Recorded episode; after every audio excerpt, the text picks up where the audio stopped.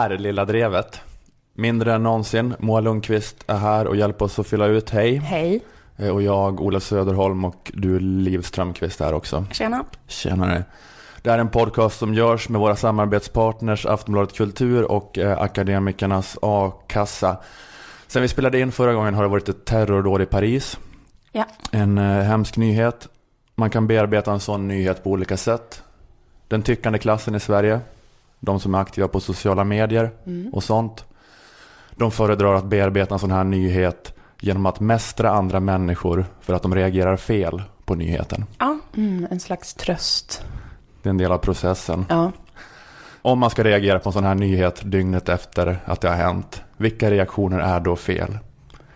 Efter att ha följt flödena kan jag konstatera att följande saker är fel. Fel att politisera nyheten. Fel att inte politisera nyheten. Eh, fel att ha franska flaggan som bakgrund på sin profilbild. Mm. Fel att inte ha den. Fel att delta i hashtaggen Pray for Paris. För att det här var ju religionens fel. Helt fel att säga att det som skedde har något att göra med vanligt religiöst utövande att göra. Fel av Åsa Romson att tänka på klimatmötet. Fel att kritisera henne för att hon gjorde det. Fel att tänka mycket mer på Paris än på en bombning i Libanon eller Nigeria.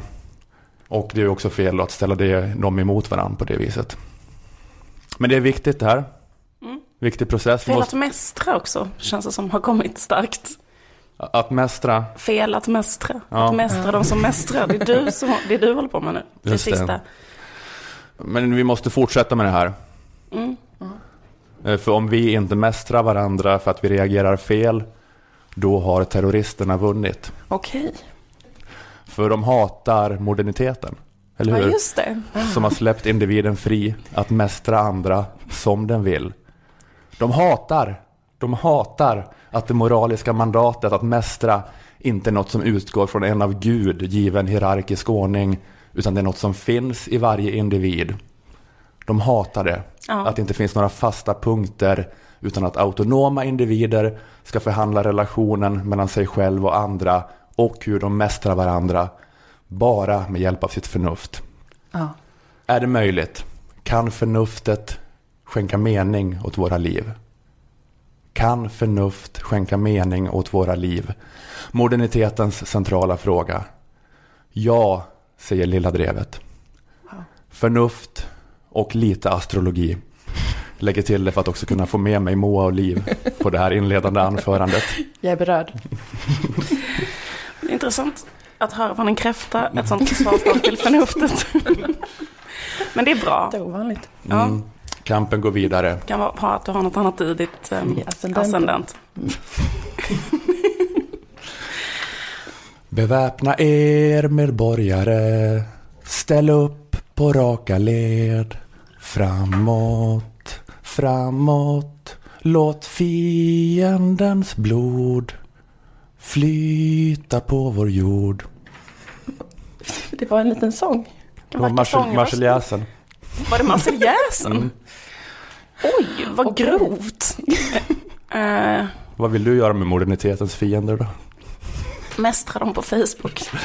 Kan vi mästra, kan vi använda vår modernitet, av vårt liksom, enorma kapital att mästra varandra på internet för att på något sätt förgöra IS?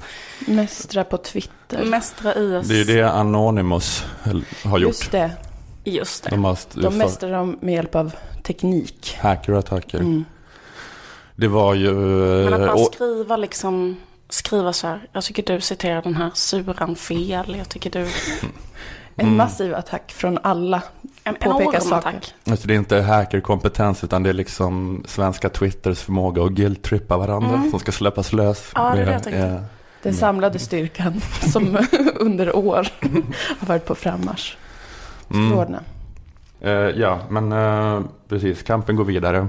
Mm. Vi kör. Aux armes, citoyens, formez vos bataillons, marchons, marchons, qu'un sang pur abreuve nos sillons. Aux armes, citoyens,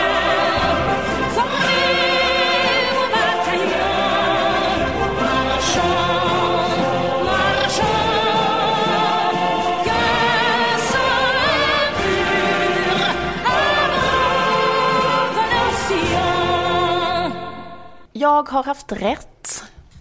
Igen.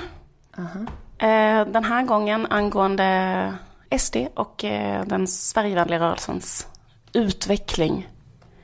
Ola kommer kanske ihåg i alla fall, du var med för avsnittet, eh, Moa kanske har lyssnat på det. Då pratade vi om att SD har börjat bete sig som ett gäng ung vänstrare. Alltså Det här att med de, flygblads... ja. Mm. De har börjat hålla på med flygbladsutdelning. Fastän deras politik, de är tredje största parti och deras politik eh, håller på att genomföras av alla de andra partierna.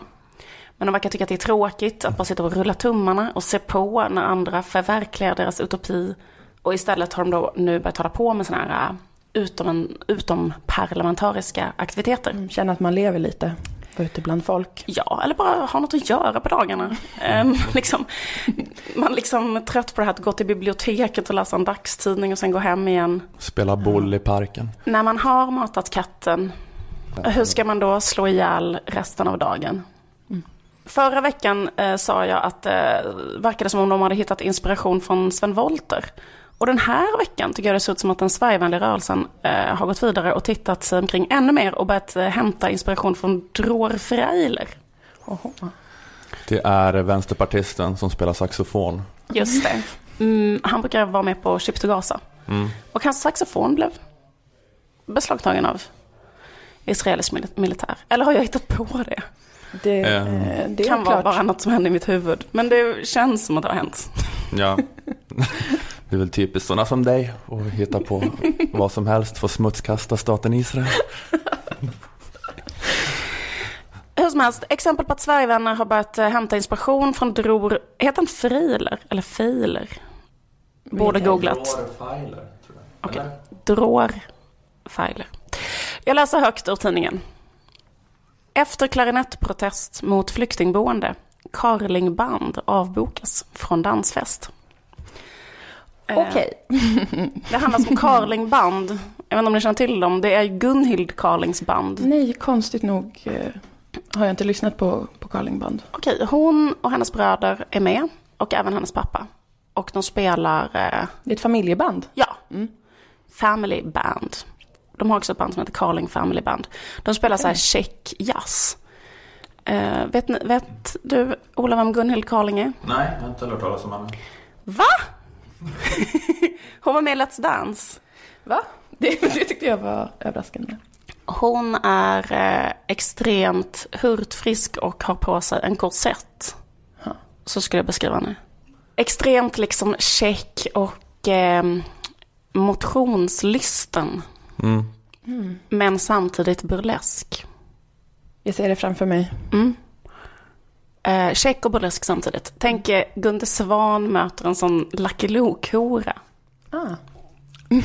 det är en... Får ni upp en bild? Jag får upp en bild. eh, Lucky Luke-hora. Absolut. Om Gunde Svan skulle få barn med Lucky Luke-hora, då skulle det vara Gunde, eh, vad heter det, Gunhild Carling. Ja. Skit i det. Hennes bröder Ulf och Max Carling, som är medlemmar i Gunhild Carling Band, är också aktiva i en bygdeförening i en pytteliten by som heter Ingelsträde. Och där vill kommunen då bygga ett flyktingboende, eller att de vill inhysa eh, åtta ensamkommande flyktingbarn i 12-13 års åldern. i en lokal som redan finns där, som kommunen äger. Men vissa Ingelträdes, Ingelsträdesbor, bland annat Max och Ulf Carling, anordnade då ett protestmöte mot det här boendet. Kommunledningen kom dit för att diskutera saken.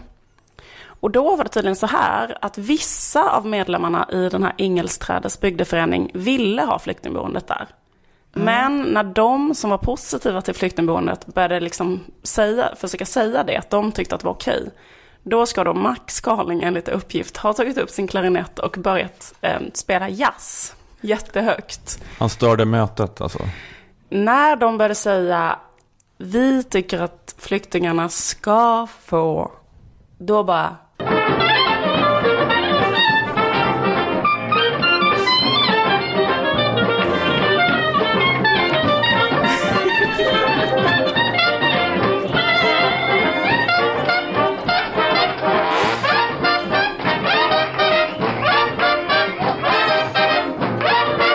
Svårt att argumentera över.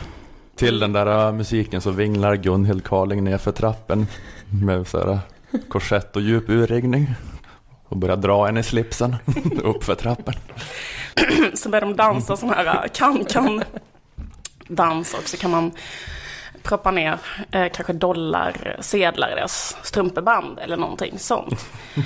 Så fort någon försöker säga ehm, jag tycker vi ska ha en human, då bara börjar en sån kan-kan-dansös att sätta så här shh, för munnen.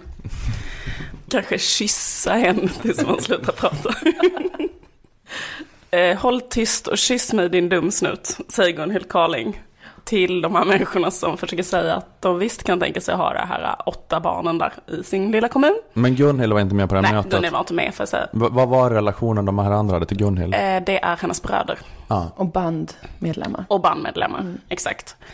Peter Kovacs eh, moderat som då eh, var där eh, på det här mötet säger Jag har under mina 13 år som kommunstyrelsens ordförande aldrig träffat personer med så främlingsfientliga åsikter. Han har aldrig träffat någon som är beredd att spela klarinett för sina främlingsfientliga åsikter.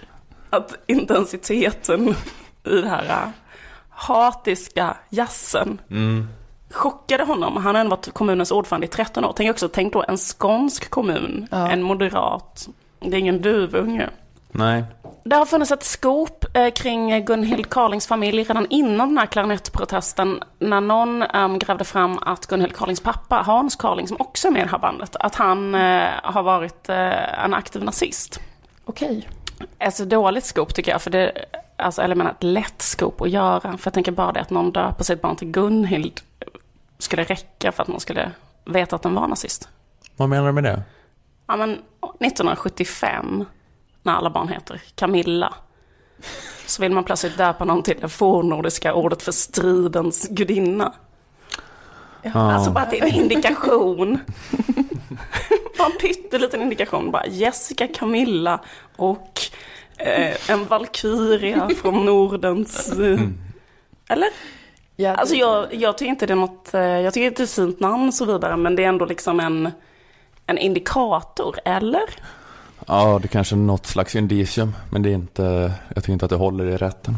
Men det skulle visa sig hålla i rätten för att han är, eller liksom det, alltså, Ja, jo, jo. Det är en del av bevisföringen. Han är så konstig nazist den här Hans Carling. Jag var tvungen att, att googla. Han har spelat också med Mikael Wiehe. Han är en sån jazzkatt. Han kallas för Hans Cooling Carling. Wow. Men Mikael Wiehe och han hade ett band. De skulle utvecklas i olika politiska riktningar. Därför att han blev sen, när han var liksom rätt så gammal ändå. Så jag tänker han måste ha varit 40 drygt då. Under liksom början av 90-talet. När vitt ariskt motstånd blev så här stort. Och då började han vara med på alla de här liksom, eh, vitt ariskt motstånd demonstrationerna och sånt. Så han skulle blomma ut som nynazist. Mm. Som liksom sån för dryga 40 åring. Och hans pappa, Hans Carlings pappa, Valdemar det är väldigt var imponerande. också då en eh, människa som var aktiv i den här svenska den här kretsen kring, vad heter han, Per Enberg, eh, den här fascist, svenska fascistledaren. Och han hjälpte en massa nazister att fly efter andra världskriget. Och liksom få skydd i Sverige. Eh, eller inte kanske i Sverige, men att komma undan rätten, rättsprocesserna då. Jag menar inte alls att döma, jag bara tyckte det var liksom, jag, jag, jag, jag tycker inte att man överhuvudtaget ska vara liksom ansvarig för det. Men jag, jag tyckte det var spännande ur ett sånt perspektiv att en sån släkt där ingen gör uppror mot sina föräldrar. Att det bara är så här, ehm, Bara spelar tillsammans. du är, du är nazist som gillar jazz, då blir jag nazist som gillar jazz. Barnbarnen bara, då blir vi också så här nazister som gillar jazz.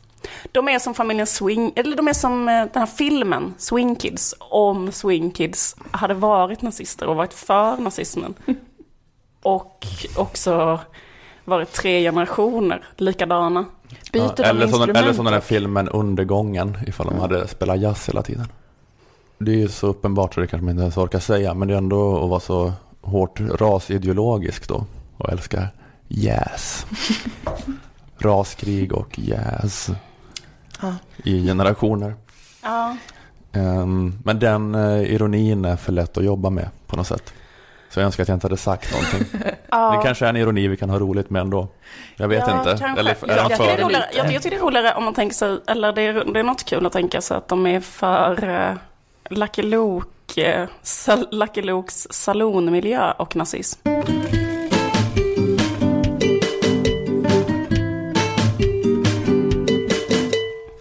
Efter Parisattacken eh, nu så då har det varit den här vanliga rutinen som det alltid är när någon begår ett terrordåd i islams namn. Att man åker ut till någon moské och frågar en muslim om är det en hörnsten i ditt religiösa utövande att Ja, eh, slumpmässigt mörda civila. Ja. De har rent sagt kidnappat vår religion. Tyvärr. ICIS är en terrorgrupp som dödar. Men, eh, ja, men det är det här, de förväntas ta avstånd. Eh, Det är förnedrande för dem. Någon gör något hemskt, då misstänkliggör man hela gruppen. Muslim blir ett skällsord på grund av vad en liten minoritet som kallar sig muslimer gör. Prova byta ut ordet muslim mot jude eller killkomiker så får ni höra om det fortfarande känns okej att prata så generaliserande. Eh, Men det är ju dels då förnedrande eh, för muslimer i, i till exempel Sverige. Att de förväntas ha ett ansvar för att ta avstånd från galna terroraktioner i andra delar av världen. Eh, Att de måste bevisa att de är goda muslimer genom att ta avstånd. Ja. Eh, Men det är också lite förnedrande för muslimer på ett annat sätt tycker jag. Att man har så låga krav på dem. Att det här, det är det enda som krävs för att man ska räknas som en god kraft. Ah, tar avstånd från våldsanarki och slumpmässigt mördande av civila. En god kraft i samhället. En av de goda. Alltså jag menar för att ta avstånd från IS, det gör Al-Qaida. Ja, det, Det är inte ens att ta avstånd från militant islamism generellt. Andra psykopatmördare tycker att IS är för psykopatmodiska för att de ska kunna acceptera det. Typ så att ta avstånd från IS, det är lite grann som när antirasister har symbolen överkryss och tagkors. Ja. Är det de kraven du har på antirasism? Ska inget vara överkryssat förrän vi har kommit ända hela vägen bort till hagkors? Nej, avståndstagande från Hitler, Tyskland räcker. Helt okej med allt fram till dit. Orkar inte ha hur höga ambitioner som helst med min antirasism. När det gäller muslimer och eh, Isis. Jag tror att det varit sunt och mer värdigt för alla om man höjde kraven på vad som ska räknas som en god kraft i samhället. Mm-hmm. Men kanske på vad som ska räknas som en god kraft. Men jag menar, varför ska man ha kravet på dem att de ska vara en god kraft? Eller jag menar, Jag tror att det är positivt om vi har goda krafter i samhället. absolut, men jag menar, det måste också vara upp till var och en om man vill vara go- en god kraft eller om man vill vara så här en, bara en vanlig idiot som går omkring och... Ja visst, jo men jag Ja. menar inte att eh, man ska fråga random människor som är praktiserande muslimer eller bara kommer från den muslimska kulturkretsen. Men jag tror att det är alltså, muslimska företrädare som tar plats i samhället. Jag tror att det är positivt Om om, journalister ställer, ställer frågor till dem. ja. Att det finns frågor som är viktiga för att lyfta och motarbeta eh, utbredningen av extremism. Men jag tror inte att frågan som ska ställas är tar du avstånd från att Islamiska staten eldar upp folk i burar? Jag tror inte att det är konstruktivt. Man skulle istället kunna börja fråga dem, tar du avstånd från islamism? Vad tycker du om politisk islam överhuvudtaget? Vill du leva i en stat där hädelse är ett brott? Eh, Så inte, inte fråga liksom, står du bakom Islamiska statens tolkning av sharia? Utan istället kanske fråga, vad tycker du om Muslimska brödraskapets tolkning av sharia? Tycker du att religionsutövande bara är en privat sak? Så, för att jag menar, jag, jag, jag har inte sett den här, någon här statistik på det här, men de allra, allra flesta praktiserande muslimerna i Sverige och Europa var emot morden på Charlie Hebdo. Jag har inte sett statistik, men säkert, helt säkert så. Men jag tror ändå att en betydande andel av dem var emot de morden på samma vis som många är emot att Hagamannen blev misshandlad. Ja, det är fel att ta lagen i egna händer på det viset. Men lagen borde ha varit så att Hagamannen hade skulle ha varit ute. Eller det är fel att ta lagen i egna hand, händer som de gjorde mot den här serietidningsredaktionen. Men lagen borde ha varit så att man inte ska få rita sådär. Jag du tror, kör en sån känsla. jag tror det. När du ser en muslim så har du känslan av att den vill inskränka yttrandefriheten och den vill att man inte ska få rita Mohammed. Ja, men det, det är mer utbrett. Eh, Och det här handlar inte om islam egentligen. Det handlar om religionens ställning i samhällen utanför väst. Alltså kristna grupper i Mellanöstern har ju också sådana här sinnessjuka hädelselagar till exempel. Eller så bara i Östeuropa och Ryssland så är ju kyrkorna mycket mer så starka och destruktiva krafter som kan få krossa gayrörelser hur de vill och så. Eh, Så det handlar inte om någon så speciell religion, utan det handlar om att väst är bäst Okej. i det här avseendet. Inget snack, ingen relativism. Väst är bäst. Inga andra har varit så jävla grymma som väst på att ge de religiösa ledarna upplysningens stålbad under några sekler så att de numera bara är töntar som håller på att be om ursäkt för sig själva. Ehm, Kul att få se dig som en sån här passionerad... eh, Du, du blir nu uppeldad över folkpartistiska värderingar. väst är bäst. Så som du eh, Brukar har stå. efterlyst. Väst är bäst. Brukar stå liksom med bara överkropp framför spegeln och skrika. Kyssa min biceps. Nej men, ehm, jag menar att vi inte eh, att vi inte har ställt eh, högre krav. Att nej till självmordsbomb har räckt. Alltså det har, tror jag, det har gjort att många Millions of people have lost weight with personalized plans from Noom, like Evan, who can't stand salads and still lost 50 pounds. Salads, generally, for most people, are the easy button, right? For me, that wasn't an option. I never really was a salad guy. That's just not who I am. But Noom worked for me. Get your personalized plan today at Noom.com. Real Noom user compensated to provide their story. In four weeks, the typical Noom user can expect to lose one to two pounds per week. Individual results may vary. Såklart mildare islamister, men ändå folk med islamistiska böjelser, har kunnat få framträdande positioner i svenska samhället på olika sätt. Att man ser så här Islamiska förbundet som någon slags helt neutral, oproblematisk representant för det muslimska civilsamhället. Trots att det då är en organisation som är en del av Muslimska brödraskapets globala nätverk och de har haft seminarium med antisemitiska hatpredikanter stup i kvarten haft föreläsningar med antisemitiska hatpredikanter lika ofta som killar tänker på sex. Nej, inte så ofta. 200, Kan inte vara så. 200 gånger i timmen. Jag tycker det här känns eh, överdrivet. Men deras två senaste liksom, ordföranden har ju varit så här på toppositioner i Moderaterna respektive Socialdemokraterna. Eh, Och de har så här ansetts vara då rimliga representanter för muslimska civilsamhället. För de har klarat det här stora demokratitestet som vi har utformat. Och det består av en fråga. Tycker du att det är rätt med massmord på civila? Svarar man nej, då är man fan Raoul Wallenberg. Vad mer kan vi begära?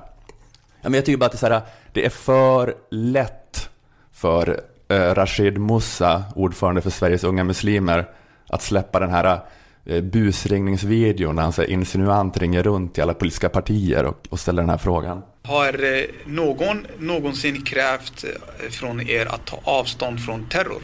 Om det har kommit ett krav?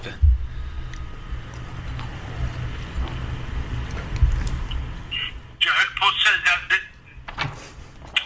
det, det är ju, alltså terror är ju någonting som, som väl alla vettiga människor tar avstånd ifrån. Men när du säger krav, vad menar du då? Ja, han ringde Moderaterna där. Men eh, det, han kunde göra det skämtet. Ja, Man men det tycker jag var rätt så bra skämt. Jag menar, det är väl en poäng. Jo, Ja, ja. man förstår lite grann att, eh, att han har fått den frågan mycket, han kan göra det skämtet. Men, eh, men jag tycker också att det är lite för enkelt då för honom till exempel. För jag är inte intresserad av att höra Rashid Musa säga att han är emot självmordsbombningar och terror.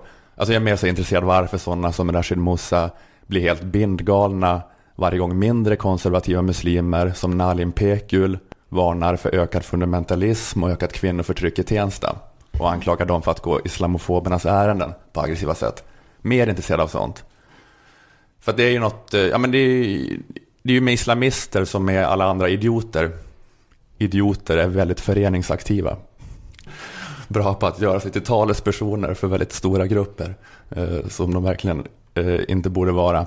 Eh, men jag, tror att det bara, jag tror bara att det är smart kanske att, av till exempel politiker att försöka hitta då sekulära muslimer att samarbeta med. Och, och då inse att definitionen av sekulär innefattar mer än att ta avstånd från bestialisk masslakt av civila. Alltså för, liksom, för även om det är, som, det är ett randfenomen Du vill såklart. att de ska ta avstånd. Men vad är det du mer specifikt vill, eh, vad, du, vad du vill att de ska ta avstånd från att eh, vilja inskränka yttrandefriheten? Typ? Ja, precis. Alltså, ta avstånd från eh, att religion ska ha inflytande över politiken. Tycka att religion är något som bara angår en individ och liksom dens gud som den tror på. Ehm, För även om det liksom är ett randfenomen att stötta IS-attentat så det, det är liksom inget randfenomen med islamism i den muslimska världen. Det är extremt utbrett att anse att religiösa ledare bör ha ett politiskt inflytande och därmed också ganska då utbrett bland de som har invandrat till Europa. Och det här är ju ändå, även om man inte stöttar terrorn, så det här är ju ändå en mylla för terrorismen att växa ur. Eller hur? Att även om man tar avstånd från terrorismens metoder, man bekräftar under deras världsbild att religion det är inte en privatsak som angår en individ och den guden tror på, då, utan religion är ett politiskt projekt. Eh, så det är då en mylla som vi borde ha som övergripande mål ändå att, att, att krossa. Ehm, vart var jag? Väst är bäst, sa jag det? Nej, men, eh, Brinnande Folkpartiet. Ja, Ja, men, det, jag menar bara att den här myllan var ju då i princip förintad eh, här.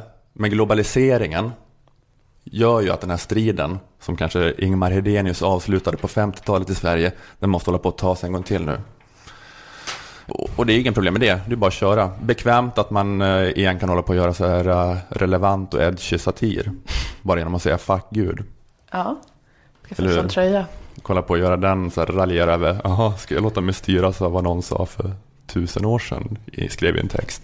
Göra det skämtet. tror du på Alltså- tomtar och troll också? Eller vill du att de Ja, men, fortsätter Det improvisera finns på otroligt din, många uppslag. improvisera fram din akt här? Ja, som men- du ska börja turnera med på klubbar. ja, men jag menar bara att hela den här Magnus Bettner-grejen blir relevant. Man har varit så här, Magnus, sluta åka runt och skrika att Gud är påhittad. Ingen förutom Sivert Öholm bryr sig. det religiösa etablissemanget i Sverige, bara Sivert Öholm. Du har gjort, åtta DVD om Sivert Öholm nu. Snälla mejla honom istället. Jag menar bara att, eh, att hela så här globaliseringen och att eh, ja, religionens ställning i samhället utanför väst gör då att nu kan man få vara den här eh, tuffa komikern. Då kan man bara säga fuck Gud. Grattis. De, de kanske vill höra den satiren från någon i sin egen kulturkrets i och för sig, hellre än att jag åker runt och säger fuck islam. Jag, Jag vet inte. Eller? Till, eh, om du åker runt och visar upp dina väst är bäst-tatueringar i, eh, på något möte. Eh, för, eh, då kommer de säkert att bli inspirerade av dig. Det kan jag tänka mig. Ja. Ja, men jag, tror inte, jag, tror inte, jag vet inte heller om det stämmer den där historieskrivningen att, att, det liksom att väst hade det här stålbadet på upplysningstiden och, och sådär. Och liksom att, att liksom det som är grejen i, i, eh, i Mellanöstern är att de inte har haft det stålbadet utan att det alltid har varit så här. För jag tror mig att politisk islam är liksom en yngre rörelse som är kanske så här liksom, eh, jag vet inte vad, liksom, vad fan är det, 20-30 år sedan att det liksom eh, på något sätt oh, har liksom uppstått på grund av eh, alltså just den här enorma så här, sammanblandningen av religion och politik har liksom uppstått på grund av att de där länderna har varit diktaturer och, eh, och är i, i hög utsträckning. Och därför så har det inte funnits så här möjlighet att typ ha ett vanligt politiskt parti eh, utan liksom och ofta liksom förbjudet att bara ha ett, möte, ett politiskt möte i en vanlig lokal. Och istället har de enda stället politiskt intresserade människor kunnat träffas och bilda allianser så är i eh, moskéer. Liksom. Och att det är väldigt mycket den grejen som har varit, eh, vad heter det, grogrund till, till politisk islam. Och eh, liksom, ja. Eh, och, och, och det är liksom en rätt ung, ny rörelse. Så här. Inte därmed inte sagt såklart att man inte ska så här, argumentera mot att eh, religion och politik någonsin ska blandas. Men jag vet inte om det är liksom... Jo, men det är klart det finns massa sådana eh, skäl som bara eh, fattigdom och orättvisa och materiella skäl och brist på andra alternativ. Alltså jag tror inte Eh, att det beror men- på att men- väst är bäst, är min spaning. Jag tror inte att det beror på franska revolutionen liksom. Utan jag tror att det beror på att... Tror du inte eller- det alls? Jo, Tror inte det lite grann? Jo, jag tror och, och, det. sen, och sen har det ju såklart varit eh, Ja, men jag tänker att, eh, vad heter det, Det- det är att så här, ett, ett antal gubbar har suttit och styrt alla de där länderna med järnhand eh, i liksom sådana här enormt långa diktaturepoker har gjort att liksom den möjligheten att, att, eh, att utveckla en eh, eh, icke-politisk, eh, eller liksom att religionen och, och, och, och politiken Alltså enda möjligheten att vara opposition, bla bla, det jag sa innan, att man måste vara i en moské om man ska prata om politik. Typ, för att man får inte vara i en ABF-lokal liksom. Jo, ja, men det, det finns ju det där med, eh, ja men typ att så här, palestinska kvinnor för eh, 40 30-40 år Ja, sedan hade hade, slöja, i mycket, mycket mindre utsträckning. Så att det är också en sån här ny eh, väckelse såklart. Mm. Eh, Men, eh, men, det, men det, är- alltså det, är, det är klart att det, det finns massa skäl och kolonialism och bla bla bla. Men faktum är ändå att det finns en mycket, mycket längre och sån benhård tradition i väst. Eh, som ju Att inte, tänka att, att religion och politik inte hör ihop. Ja, precis som är väldigt eh, eh, ovanlig ur ett globalt perspektiv. Eh, och eh, eh, på grund av globaliseringen så, liksom så konfronteras man med det här igen här. Som man inte har behövt tänka på så länge. Och alltså, oavsett vad det beror på. Nej, jag fattar, det beror inte på att väst är bäst på ett SS essentialistiskt sätt. Kan eller vad man du, säger. kan, du, kan du skriva i det i din tatuering, en sån inflik så här, det beror, bäst är bäst fast det beror inte på någon essentialisering. Och Ja. då skriva in på tatueringen. Väst råkar bara vara bäst. det, och det är, och det är, Kan det inte, stå det är inte de andras fel. Kan det stå också, och USA eh, har inte heller eh, kommit till den punkten att inte blanda ihop religion och politik, fast de ingår i väst. Ja, precis. Mm.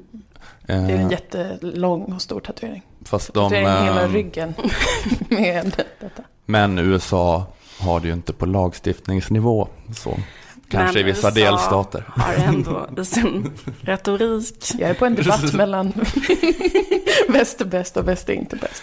Det är väldigt spännande för mig. Och sen är frågan också, sen handlar det också om vilken strategi um, som är mest, eh, om man tittar på en konsekvens, liksom om man ska göra en konsekvensanalys hur den här eh, kampen ska föras på, på bästa sätt. Om de här människorna redan känner sig otroligt kränkta av en väst är bäst-ideologi och sen står och gallskrika väst är bäst ännu mer och gör skämt som går ut på att väst är bäst. Kommer det att gynna de långsiktiga målen? En annan fråga. Väcker frågan. Ola? Ja, okej. Ja, men visst. Men vi kan köra som du tycker istället och ha sharia-domstolar i förorterna. Bara för att inte Svart. kränka någon. Jag tror att eh, det som behövs är global kommunism, men det är bara mitt lilla förslag. Mm. Nej, men det är... Eh, jo, men jag, jag fattar också så här, jag, jag fattar ju också att det är... Eh, att man kanske inte kan vara så här eh, 100% eh, folkpartist, idealistisk i varje situation. Att det kanske är okej och, inte fan vet jag, ha skilda badtider ibland. För att annars så, eh, jag vet inte, för att folk ska kunna delta i samhället på det viset. Men jag menar bara att det övergripande målet borde ju ändå vara att krossa politisk islam. Skilda badtider kommer ihåg var en fråga som folk drev på mitt gymnasium, alltså vanliga människor, för de tyckte det var jobbigt och Ni ser, det är samma här som i talibanernas Afghanistan. Det är samma, samma här. Bra, bra att du fick in den också, Liv. Ja, men kul att, kul att du tycker att skilda badtider är ett hot mot eh, upplysningstidens idéer. Är det så absurt? Nej, men jag, jag fattar eh, allt det med den här chauvinismen och vad som är mest konstruktivt. Men jag menar bara att eh, min grundläggande poäng är ju bara att det är ett faktum att eh, det finns en annan syn på religionens roll i politiken och samhället i andra delar av världen. Man bara ska tänka på det, så får man göra vad man vill med den informationen. Eller inte vad man vill Det kanske. finns, den idén finns väl också eh, i de länderna säkert. Alltså jag menar, det, det känns också som att det är en för grov generalisering att säga så här, i väst finns den tanken och i de här andra länderna finns inte Ja, den men det har tanken. inte finns, sagt. Sa du inte det precis? Nej, jag sa att det finns en annan. Ja, jo, men det är klart att båda synerna finns. Ja. I både väst och Ja. utanför väst. Men varför jag säger menar du då väst är ena... bäst? Därför att den, jag menar, jag menar Den det, har vunnit mer i den har väst. vunnit Ja. mera, den här att religionen ska inflyta över politiken, den synen har mycket större liksom, utbredning utanför väst. Och, och det beror kanske inte på väst, bäst, det kanske är västs fel då, på många sätt, på grund av att vi har förintat pol- rimlig politisk utveckling med kolonialisering och bla bla bla i sådana länder. Så det kanske är vårt fel på vissa sätt, men det är ändå så nu. Skitsamma vems fel det var, nu tänker vi inte på det. Det liksom nu tänker vi bara på att det är så, att väst är bäst.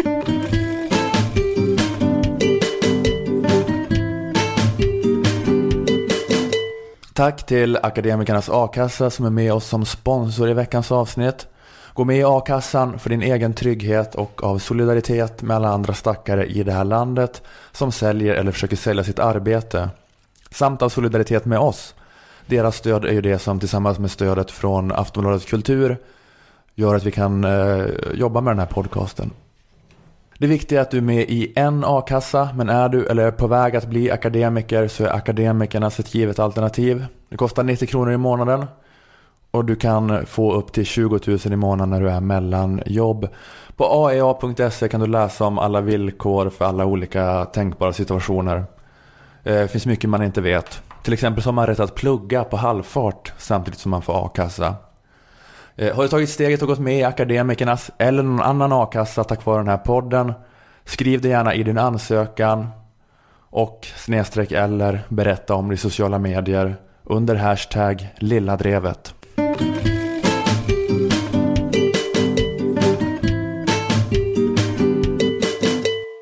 Eh, många upplevde att det gick väldigt snabbt när Sverige införde tillfälliga gränskontroller för ungefär en vecka sedan. Ja. Det var eh, mycket frågor, det hände väldigt plötsligt. Är det genomtänkt?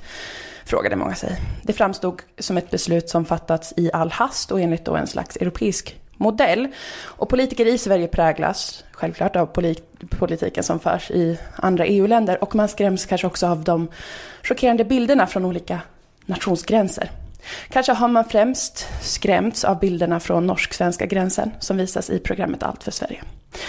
Ni har säkert också sett vad som pågår. Ett tiotal amerikaner som tar sig in i landet för att försöka hitta sitt svenska ursprung. Och det råder ett slags totalt kaos. Jag vet inte alls vad du pratar om. Eh, Du har kanske är levt i medieskugga. Ja. Amerikaner kommer till Sverige för att hitta sitt ursprung. Jaha. Släktforska, tävla, man vinner en släktträff. Det är priset. En är kvar till slut och får gå på släktmiddag med kanske sysslingar och annat.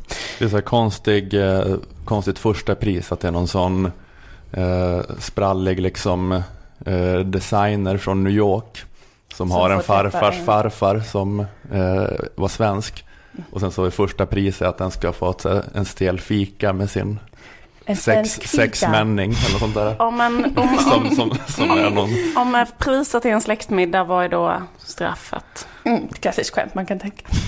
Men kaos vid den norsk-svenska gränsen. Amerikaner jublar in, skriker, gråter och skrattar som att kriget just har upphört. Så här lät det. I can't believe we're almost over the border. Just like the gates are opening up, and all of a sudden, we get to go in. Um, as I take my first step, I just hear the word finally. you did it. Yeah, come, Sweden. I crossed over and I truthfully I just wanted to lay flat on it and just stay there, but there were so many people around. So so the best I could do was to kiss it. Anders Ygeman satt hemma med sin familj och åt svensk tacos när han blev tvungen att bevittna det som hänt vid norsk-svenska gränsen. Ett tiotal amerikaner jublar, springer barfota, kramar skylten där det står Sverige, gråter, lägger sig på marken, kysser den. Ingen, inte en enda polis står där, kollar pass, ID, inresetillstånd. Vars var polisen när en deltagare dessutom sa det här. Feel like I'm stepping into heaven. Kändes som att han klev in i himlen. Varför var inte polisen på plats? Och sa att Sverige är inte himlen, vi har inga pengar, allt är kaos, kris, panik, det finns inte ens brödsmulor till duvorna kvar. Det undrade Anders Ygeman när han satt hemma. Och han vet att det är bilden som måste förmedlas, men det gör den inte i Allt för Sverige. Anders Ygeman mådde antagligen fysiskt dåligt när han också såg hur amerikanerna i Allt för Sverige ogenerat kom in, körde över allt i sin omgivning med sin otroligt starka woho-kultur. De mörsar över sociala sammanhang med till exempel stora eh, mm, spontandanssessioner, karaoke, höga skrikande wohon. Det är hela grejen med det programmet att man vill bara se amerikansk entusiasm. Ja. Att de, man, någon, de visar en helt, ett helt vanligt hus. Här är ett svenskt hus, så bara skriker. skriker. de som galningar. Börjar gråta. Det kan låta till exempel som i det här klippet. Wow. When we saw the karaoke, we all looked at one another and we were like, we're going to show Sweden how Americans karaoke. Räcker, räcker 300 poliser vid gränsen? Frågade sig regeringen, alliansen. I sådana här påfrestande tider kan vi inte vara för säkra. Man sa, kanske måste vi se över anhöriginvandringen nu på en gång också så att, så att inte amerikaner med svenska förfäder kan komma hit och exotifiera den svenska naturen och sprida rykten hem om att Sverige är perfekt, att det är himmelen, att det är vackert, estetiskt, liksom underbart och alla är så mysiga. Det- Sverige är fult, vi har inga mer pengar, naturen är skit, säger regeringen och alliansen då. Det är dålig signalpolitik att visa det här i tv. Om man ska hålla en konsekvent linje är det väl chockerande. Ja, precis. Det är, det är som en sån motkampanj mot SDs flygblad, hela det här programmet. SD behöver åka till Florida och dela ut flyg, vad heter det, flyglappar? Nej, vad heter det? Flygblad. Flygblad. Flygblad. Där det står att det är inte så vackert. Det är fult. Man hittar inte sin släktforskning, kanske. Nej. Och din liksom, eh, den svenska bonden som du har samma farfars farfar som är inte alls skön att hänga med. Det är bara någon sån småländsk kuf som knappt kan engelska och är sur. Och inte alls så där glad och entusiastisk som du är. Men tänk, det är en, eh, en rimlig förklaring till de snabba, snabba politiska förändringarna i Sverige. Eh, att, också att svenska amerikanerna eh, inte lär sig språket. De kommer in, de, får under, de undervisas i svenska, i Sveriges liksom mest kända uttryck, till exempel hoppsan Kerstin, som vi i Sverige använder varje dag. Som vi liksom pratar med varandra, då säger man alltid när man träffas "Ho- hoppsan Kerstin. Inte ens det kan de lära sig, vilket ju är en otrolig påfrestning att behöva se. Visa lite respekt känner man, eller känner Anders Ygeman. Mm. Han, han mår dåligt när han ser detta. Hoppsan Kerstin. Hapsen dropsen. Hapsen dropsen. No, no, not dropsen. Helvete, känner man ju. Nej, det, det, det går inte. Inte ens lära sig hoppsan Kerstin. Hoppsan droppsan är inte, det är inte ens i närheten, det är respektlöst. Och man- Och från politiskt håll så känner man då dags för krafttag mot detta. Det, då, då, då går det också snabbt rent politiskt, när man liksom känner att nu jävlar markerar vi. Mm. Då är det det som händer. Hoppsan droppsan, fy fan. Fy fan. Ja. Kokar när man hör detta. Ja, man känner bara det är försök känner man. Försök åtminstone.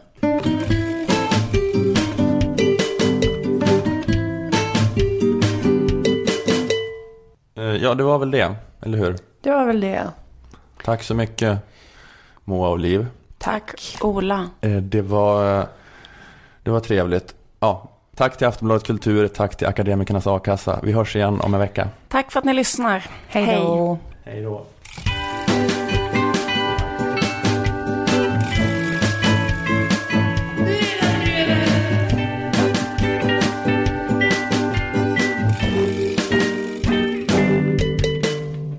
Beväpna er medborgare, ställ upp på raka led. Framåt, framåt, låt fiendens blod flyta på vår jord.